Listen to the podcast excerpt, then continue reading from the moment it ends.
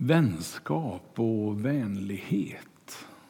Anneli har sagt redan mycket bra saker omkring det. Eh, jag kommer att dyka ner lite grann i några bibelställen eh, som du kanske har hört om eller inte. Min önskan är att jag ska kunna förklara för dig vad de här bibelställena innebär för oss idag. Annars är det ju så här att så här på vårkanten så dyker det upp en viss vecka som eh, startade för väldigt många år sedan utav Harry Lindqvist. Han eh, fick höra talas om en berättelse där eh, någon satt och räknade trafik. Idag lägger vi ut en svart kabel på vägen och så går det där automatiskt. Men på den tiden så fick det sitta någon bredvid vägkanten och räkna antalet bilar som for förbi. Och det var tusentals bilar som for förbi den där dagen. Men den personen som satt där och räknade fick bara något tiotal där föraren log när han körde förbi. Och när eh, Harry Lindqvist hörde talas om det där så tänkte han att det här, det här håller inte, det här, så här kan vi inte ha det. Och ur den tanken sen så föds vänliga veckan. Och vänliga veckan det är inte på måndag men nästa måndag börjar vänliga veckan. Och kanske att det vore lite spännande att försöka det här året och ta den lite extra till hjärtat. Att vara vänlig mot någon som har haft ett tufft år kanske, stod det på Svenska Journalens hemsida som nu administrerar mycket av tankarna kring vänliga veckan. Vara vänlig mot någon lite extra som har haft det tufft i år. Eller under året kanske man ska säga, annars så blir det bara några veckor. Vad betyder då vänskap och vänner för dig? Ja, Anneli ställde också en liknande fråga. Och, eh, jag ska ge dig några exempel på vänskap ifrån bibelboken. Och jag skulle vilja börja med att läsa tillsammans med dig eh, om en sån här situation. Och det är två bibelställen och det är ifrån eh, Apostlagärningarna i Nya testamentet. Eh, berättelsen om hur de första kristna spred budskapet. Och vi kommer till kapitel 15 där Paulus ska börja sin andra missionsresa. Och jag läser från och med vers 36 till och med vers 39. Och eh, bibeltexten kommer att flyta längst ner i rutan så du kan följa med om du vill. Efter en tid så sa Paulus till Barnabas vi borde resa tillbaka och besöka bröderna i alla städerna där vi predikade Herrens ord och så se hur de har det. Barnabas ville då ta med Johannes som kallades Markus. Men Paulus tyckte inte det var lämpligt att ta med sig den som hade övergett dem i Pamfylien och inte följt med dem i arbetet. Konflikten blev så skarp att de skildes åt. Barnabas tog med sig Markus och seglade till Cypern. Och så gick vännerna skilda vägar. Men det som jag tycker är så fint med den här berättelsen, det är vad jag kan läsa sen i några av Paulus kortare brev som han har skrivit. Exempelvis andra Timoteusbrevet. Och där ska vi läsa från kapitel 4 och vers 11. Och det är så som Paulus avslutar nästan alla sina brev med några personliga hälsningar till och från. Han skriver lite grann om, om hur han själv har det, han skriver lite grann hur andra eh, är med honom eller emot honom för den delen också.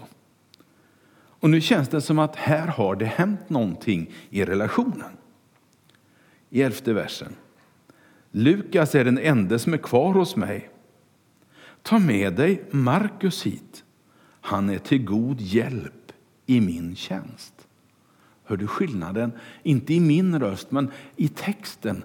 Hur Paulus är lite sur för Markus har övergivit honom och liksom eh, åkte hem igen i den första missionsresan. Och då ville han inte ta med honom. Men Barnabas, den alltid lika människokännande och eh, omsorgsfulla personen, han ville ge Markus en ny chans. Men Paulus sa, nej, han har, han har, det är kört, jag vill inte det. Och så blev de ovänner faktiskt.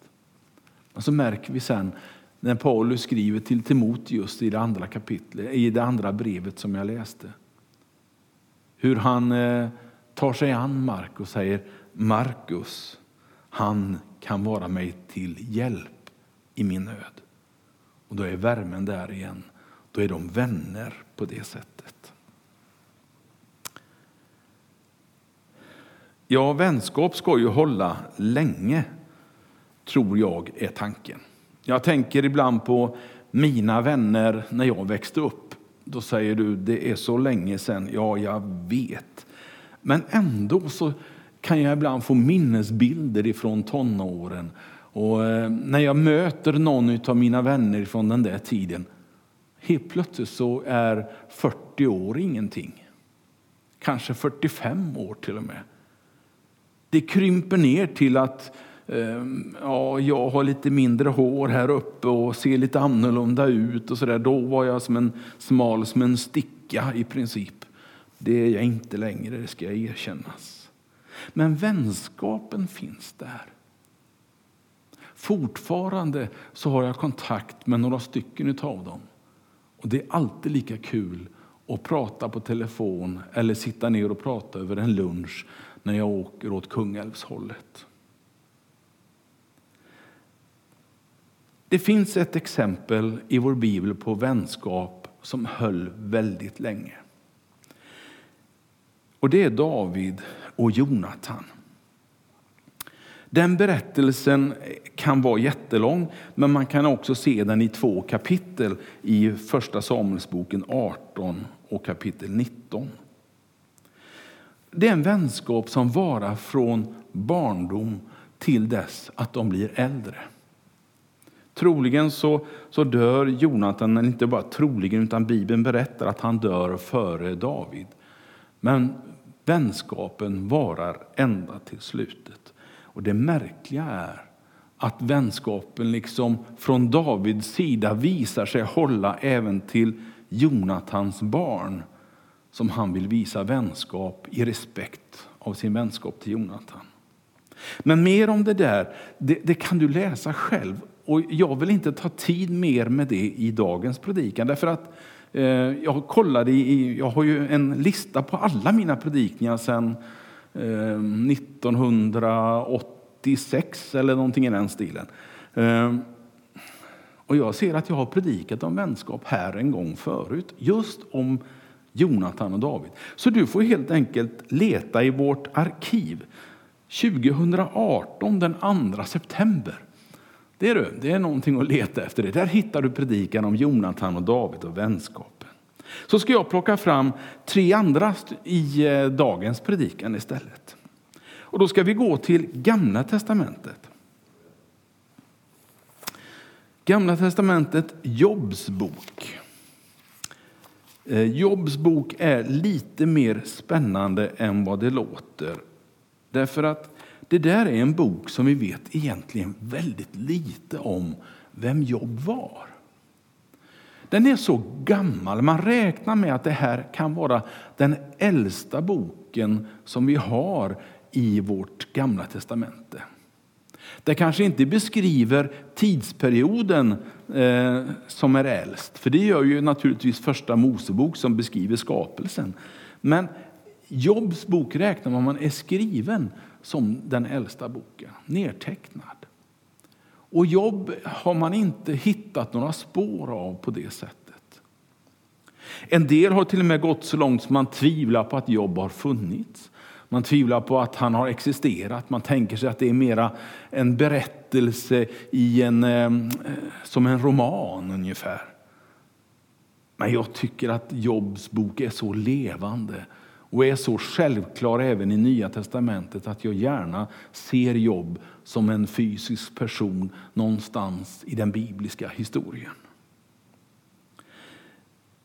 Jobs liv beskrivs i boken Från början när Jobb och hans familj och hans rikedom finns. Genom svårigheter när han mister sin familj i olyckor, där han mister sin rikedom. Allting tas ifrån honom och han har sina fyra vänner. Eller så kallade vänner. För Jobs vänner visar sig vara lite mer och lite annorlunda. Ska, vi, ska jag, får jag läsa för dig?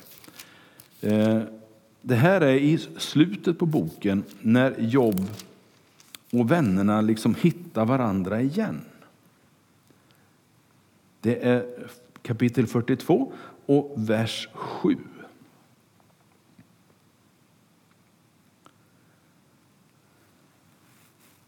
Det är Gud som tillrättavisar de här fyra vännerna. För de, jag får berätta det också. De har alltså beskyllt Jobb för att ha kommit på kant med Gud, för att Gud inte längre är med på hans sida. Eh, så därför är han drabbad av olyckor. Och det är, det är, ibland är det Guds fel, ibland är det Jobs fel. Men det är alltid fel på något. Och de här vännerna de ställer sig in hos Jobb och säger ja men vi vill ju bara ditt väl, vi vill ju bara förklara. Och, vi vill ju... och Jobb håller fast vid jag tror på Gud i alla fall. Det är inte Gud som har gett mig det här, det kommer någon annanstans ifrån. Och så mot slutet så träder Gud själv in i berättandet och så säger han så här till Jobb och hans vänner. När Herren hade talat dessa ord till Jobb så sa Herren till Elias från Teman, det är en av vännerna. Min vrede brinner mot dig och dina båda vänner, för ni har inte talat rätt om mig som min tjänare Jobb. Gud går till rätta med dem och det här, det här vänder alltihopa faktiskt. Det här gör att vännerna liksom ser sig i en ny situation och förstår att jobb har varit rätt hela tiden. De förstår att jobb har haft med Gud att göra även i sin svårighet. Och Det här har gjort att Jobs bok har varit älskad i alla tider. Lite krånglig, lite jobbig att läsa kan någon tycka. Det är eh, 42-43 kapitel är det väl? 42 kapitel är det. Och som kan ibland vara jobbiga att läsa. Men vet du, ibland är livet riktigt jobbigt. Och då är det många som har hittat tröst i boken. Trösten i att Gud är med ändå. Gud är med i det svåra. Gud är med genom det svåra och Gud försvarar mig i det svåra. Och jag kan, jag kan känna med jobb, liksom hur jobb nästan lite får, får fightas, inte med knytnävarna utan med orden för att eh, försvara sig inför hans vänner. Och jag kan fundera på vad är det för vänner? Är det några som jag skulle vilja ha som vänner? Nej, kanske inte. Men de ändå uttrycks som det i boken. De utger sig för att vara vänner och jag tror de blir vänner i slutet. När Gud får liksom gå in och ställa relationerna till rätta igen. När Gud får hela och läka, upprätta det som var förlorat och det som var förändrat och fördärvat. Därför att när Gud kommer in på en sån här spelplan så blir det rätt igen. Han har en fantastisk förmåga, min Herre och Mästare, att ställa saker och ting till rätta. Han har en fantastisk förmåga att följa med mitt i orättfärdigheten, mitt i det svåra, mitt i det jobbiga. Ibland lite i bakgrunden, ibland lite grann att man inte känner och märker honom så väl. Men han finns där. Jag har provat på det. Och kanske du har provat på det. Och kanske du prövar det just nu. Jobb och hans vänner har det skrivits böcker om. Det har skrivits böcker och hållit många funderingar kring just den här boken. Och många uttalanden är gjorda. Jag ska inte gå allt för djupt in på det idag. Men vad jag förstår, så det här samtalet som finns genom hela boken och den här, den här bönen som liksom Ändra på förhållandet. Att inte ge upp samtalet, även om man någon gång kan uppleva det lite orättvist. Det kanske finns en vishet i det. Att hålla fast även när man kan till och med uppleva att vännerna går emot en. Ändå hålla fast vid vänskapen. För vänskapen är dyrbar. Vänskap är viktigt, precis som Anneli sa i början.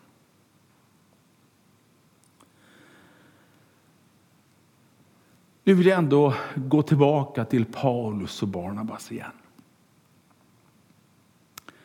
Därför att den berättelsen är så,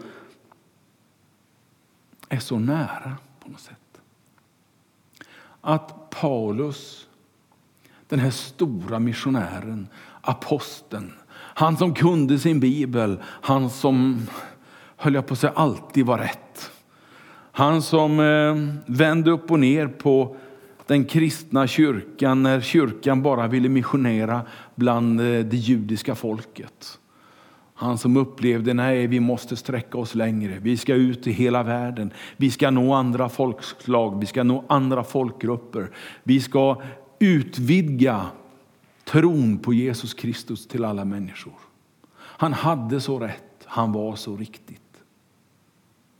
Men så är det precis som att alla människor, inklusive Paulus, kanske inte var rätt 100 procent av tiden. Och det skänker mig i alla fall en liten tröst. Om det nu någon gång gjordes fel av Paulus också, så kanske det är okej okay att jag ställer till det någon gång också. Så tänker jag inför perspektivet från Gud till mig och från Gud till Paulus. För Gud fortsatte att använda Paulus, hans andra missionsresa, i hans ovänskap och hans ehm, eh, svårighet att hålla sams med Barnabas och Markus, så blev det ändå lycka i hans andra missionsresa. Därför att han ville tjäna Gud i alla fall. Ibland så gör ju vänner så här. Det blir fel mellan vänner. Det är inget perfekt förhållande. Det kan gå fel mellan vänner. Det har jag sett. Kanske du har sett också. Kanske till och med att du har blivit drabbad av det. Där vänner har svikit dig eller det har blivit galet. Kanske du har svikit vänner. Och Det där kan sitta djupt i oss människor. Men vet du att det finns en möjlighet att få en upprättelse? Det finns en möjlighet så länge man vill att få tillbaka vänskapen.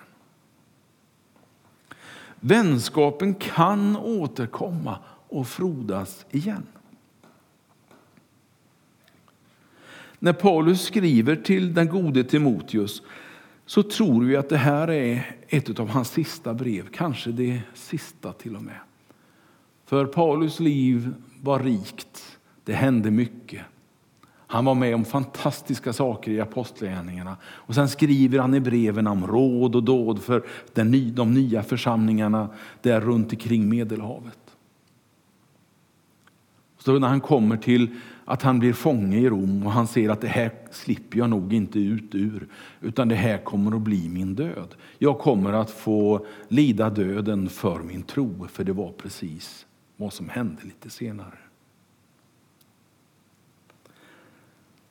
Men då i livets slutskede så, så är det några han vill ha runt omkring sig. Som man har en speciell vänskap med, som man har en speciell kärlek till. Och det är den gode Lukas. Ja, det är samma Lukas som också har skrivit ett evangelium. Han var läkare, han var eh, någon som tog hand om människor som Paulus kände, honom vill jag ha nära mig. Eh, för jag mår inte riktigt bra. Och det var lite, han, hade lite, han hade lite krämpor helt enkelt. Och så ville han att Markus skulle komma till honom. Där i slutet på andra Timoteusbrevet 4 så kommer den där värmen ifrån Paulus hjärtat. Och vi förstår att det där som hände på hans andra missionsresa, det är glömt. Det är förlåtet, det är lagt åt sidan. Och han önskar att den gode Markus, som kan vara honom till så stor hjälp, skulle komma till honom.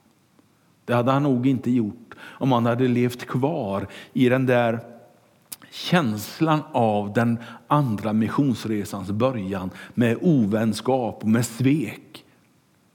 När Paulus hade lämnat det. Han hade tagit klivet vidare och tänkt att nu vill jag än en gång få gemenskap med den gode Markus. Vad Barnabas var i det här tillfället det vet jag inte. Det har jag inte hunnit att kunna ta reda på.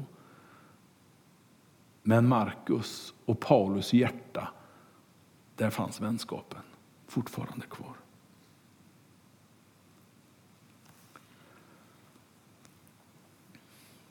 Kanske att det här ändå vill säga någonting om vänskap idag.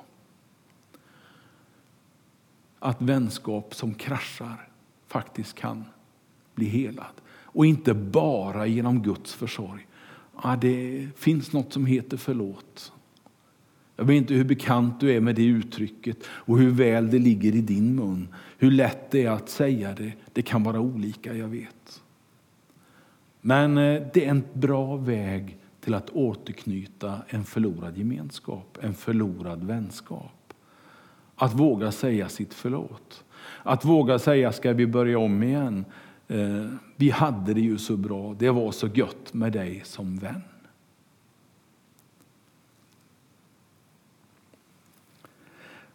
Det tredje jag skulle vilja lyfta fram idag, förutom Paulus och Barnabas och jobb, det är Jesus själv.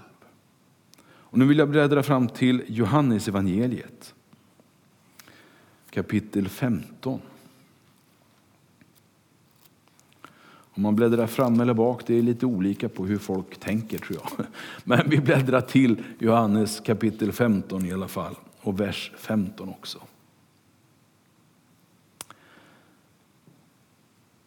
Där säger Jesus så här. Han talar till sina lärjungar. Jag kallar er inte längre tjänare, för tjänaren vet inte vad hans herre gör. Och så kommer det så vackert. Jag kallar er vänner, för jag har låtit er veta allt som jag har hört av min far. Jag kallar er vänner, säger han till sina lärjungar. Och det är nog inte i det tonfallet som han talade till eh, de skriftlärde och fariseerna. Eller det tonfallet som eh, Johannes använde när han talade till folket där i öknen. och pratade om huggormars avföda och allt möjligt. Det var nog ganska hårda ordlägen och tonlägen då. Nej, här kan jag känna värmen fortfarande i det här uttalandet. Jag kallar er mina vänner. Och jag reflekterade hemma. Min vän Jesus. Och Jesus är där i himlen någonstans. Och så säger han, och han tittar ner på, det här är bara mina fantasier, så tittar han ner i Tibro så ser han min vän Bengt. Min vän si, min vän så. Hör du hur han, han lockar på gemenskap med dig? För din skull. Han vill kalla dig sin vän. För det är det du är. Det är det du är skapad till. Att ha en gemenskap med himmelen själv. Och i den här lilla versen i Johannes 15 så finns det en hemlighet i att få vara Jesu vän. Vad jag förstår så hade Jesus vänner. Jag kan läsa om det på andra eh, bibelställen också, där Jesus talar om vänner som han hade runt omkring sig. Men här blir en extra betydelse med Jesu vänskap. Och kanske det är så att du har en vänförfrågan att besvara. Om du inte har gjort det förut, jag vet inte hur många av er som, som tittar på det här och lyssnar på mig just nu som, som känner till Facebook. Kanske de flesta gör det, men inte alla säkert. Men i Facebook, ett program i min dator där jag har kontakt med väldigt många människor. Där kan man ibland få en vänförfrågan. Någon som har sett mig i, i det här programmet och som eh, undrar, eh, vill du vara vän med mig? Och jag brukar svara ja. Inte alltid. Inte alltid ens jag vet vem det är som frågar. Eh, ibland så anar jag till och med att det kan vara något skumt eh, och då tar jag bort det fortare än kvickt. Men så ibland så skiner mitt hjärta upp. Men vänta lite, det är ju du. Och så klickar jag på, ja visst, en ja-knapp där. Tänk, tänk dig om du har fått en vänförfrågan i ditt liv ifrån Jesus Kristus. Ska vi vara vänner du och jag? Det är inte svårare att svara sitt ja på den frågan än vad det är att klicka när jag sitter vid datorn på rätt ruta. Det du gör det är att du bara säger ja Jesus, låt mig få vara din vän. Jag vill vara din vän och jag blir glad om du är min vän.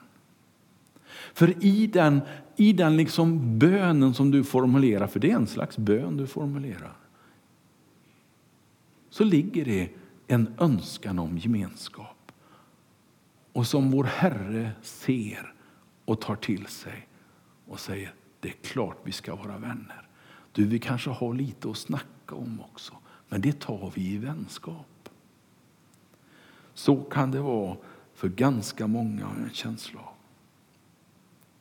I vänskap så ingår det att man har kontakt. Jag kan ju inte vara vän med någon och aldrig bry mig om den personen. Det där är lite knepigt med det där Facebook-programmet.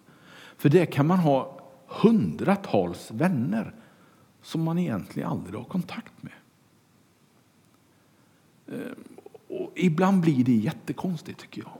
När det finns vänner där som jag kanske inte har pratat med på 10, 15, 20 år.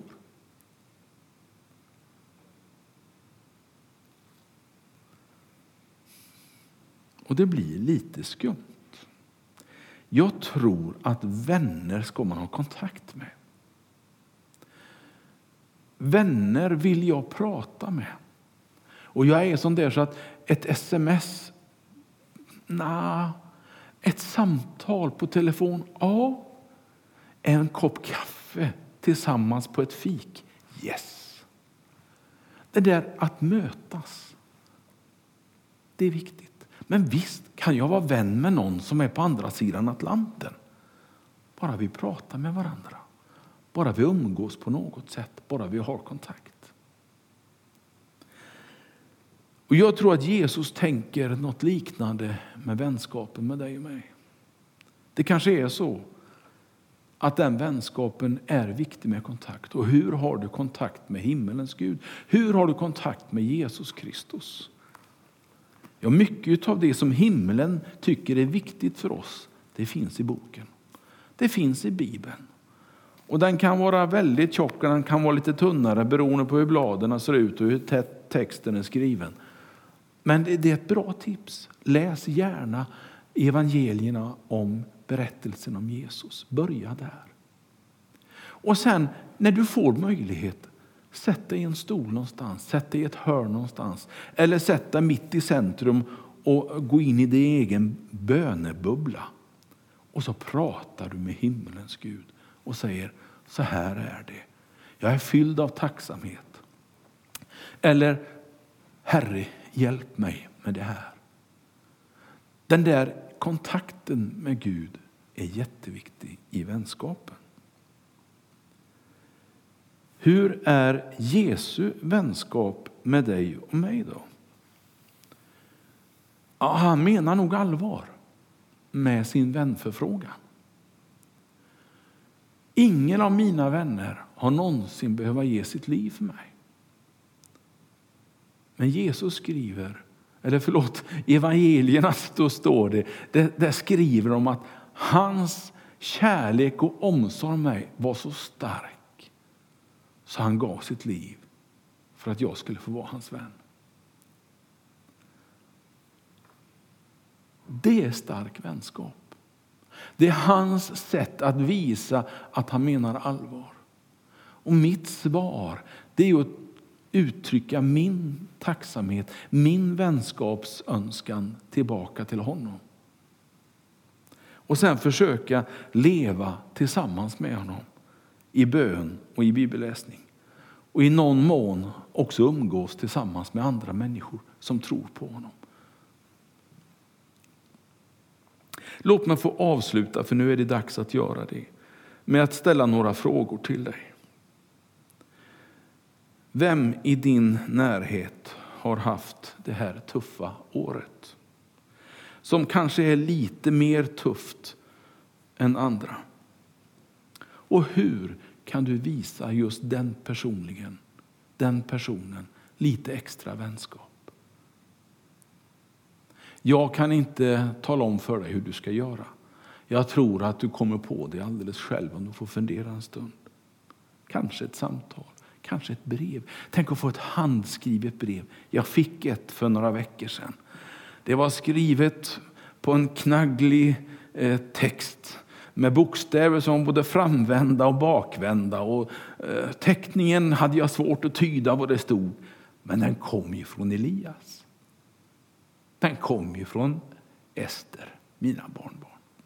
Och de teckningarna de läser jag oavsett vad det står i dem. De teckningarna och de breven de älskar jag att få. Kanske det är så att du ska skicka ett brev till någon. Jag vet inte. Hur du sen gör för att visa lite mer vänlighet i din vardag, det kan jag inte heller skriva och säga att så ska du göra. Men jag skulle önska att de här närmsta dagarna, veckorna, att vi fick träna lite grann på att vara vänner.